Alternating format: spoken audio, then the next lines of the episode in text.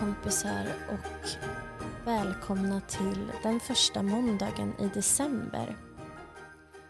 Det är idag den 4 december och då ska vi öppna dagens lucka.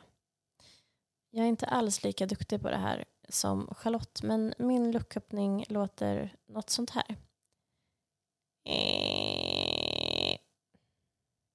Oj vad stolt du blev över mig nu Charlotte.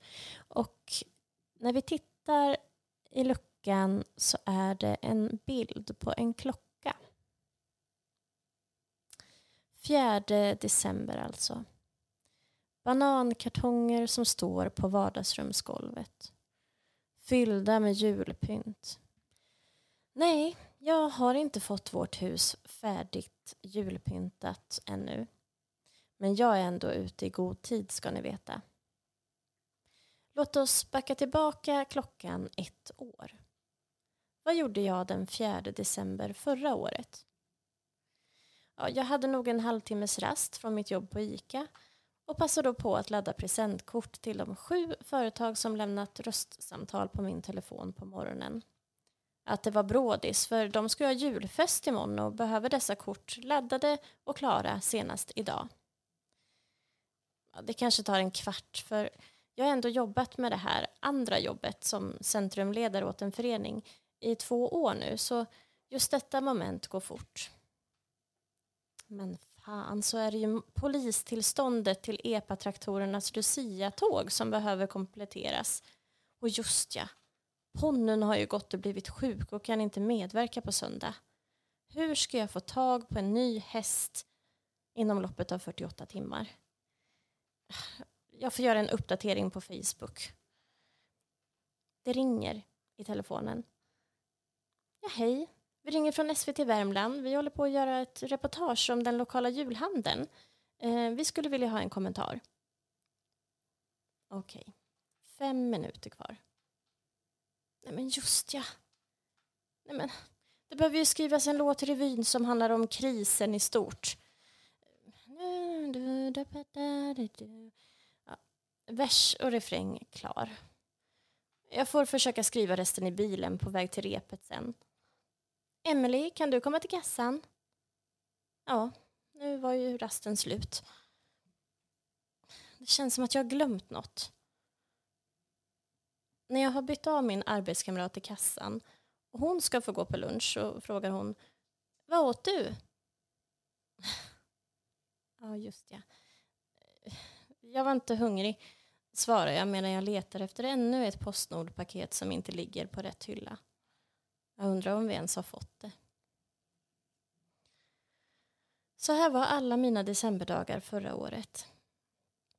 Ja, jag fyller år den 12 december och jag minns att när familj kom på besök och skulle få tårta då tog jag även upp 2500 kuvert och sa till dem vi gör ju ingenting annat så vad säger ni?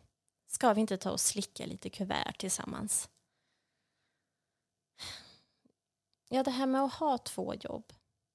Ett tydligt schemalagt där jag vet precis vad som ska göras och ett kreativt där jag är spindeln i näten och planerar aktiviteter, gör intervjuer, administration. Ja, det har verkligen passat mig. Jag gillar när det händer saker och jag gillar att känna mig behövd. Men nu när jag är inne på mitt tredje år så känner jag att det är lite för mycket. Det där lilla skavet, det har med tiden för, förvandlats till ett öppet sår. Och hur bra är jag i rollen som arbetskamrat, syster, sambo, centrumledare, dotter, textförfattare, skådis, mamma. Jag bestämde vid den här tiden förra året att det får vara nog. Och nu ett år senare sitter jag nu med ett jobb. Adventsljusstakar i fönstren. Egentligen för lite pengar på kontot. Och inga danssteg eller låtar som ska skrivas. Men vet ni? Jag har något som jag inte hade då. Lust. Lust att skapa, lust att sjunga, lust att pynta och kanske ringa någon. Ja, det här året har än en gång gjort sig påmint om vad som är viktigt i livet. Vad är viktigt för dig? Jag vill att du tänker på det ett tag. Finns det någonting som skulle göra dig glad eller tillfreds? För så bara en stund. Eller mår du bra av att göra någon annan glad? Själv har jag kommit på en rolig teateraktivitet som jag skulle vilja göra med Charlotte under nästa år. Och jag vet redan att hon kommer vara på. För det är liksom sån hon är. Och det blir jag så glad av. Om jag hade fortsatt vara så där stressad och inte gjort några förändringar i mitt liv då hade jag nog inte hunnit vara med på den där möhippan och då hade jag inte träffat Charlotte och det hade varit synd. För jag har liksom fått en ny kompis på äldre dagar som är olik men ändå så lik mig. Många av de saker som jag vill göra innan livet tar slut det vill hon också göra. Men det är väl rätt häftigt ändå. Jag spelade in en kort video på min sambo igår. Han ville inte samma som jag. Vi kan väl göra en julkalender du och jag där vi skojar om relationer under julen. Alltså både kropp och mun skrek nej. Ja, jag har det på film.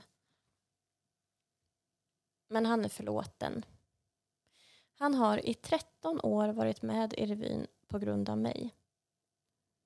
Det var förra året han släppte bomben, så självklart. Men Emily, jag är ju bara med för att du är med och jag vill vara med dig. Och det var då jag bestämde mig för att ta en paus från revyn. Men vilken kärleksförklaring ändå. Att ha gått i 13 år. Och att Kristinehamnarna fick se din imitation, Anders, av Lars Lerin. Det har de ju egentligen mig att tacka för. Så varsågoda för det. Skämt åsido, men jag är i alla fall så himla glad över att jag inte behöver tvinga Anders till allting. Han är nog också väldigt glad för det. Att jag har träffat Charlotte nu som kan göra sådana här stolletyg tillsammans med mig så att han slipper. Med det sagt så kan inte jag sitta här längre. För jag har nämligen tvingat min sambo till ett julgig nästa lördag som vi behöver repa på. Glöm nu inte att ta hand om dig. Och jag skickar med en sak till. Vill du inte vara med på något som din sambo vill? Säg då till i tid. För annars kommer du bli tvingad. God jul!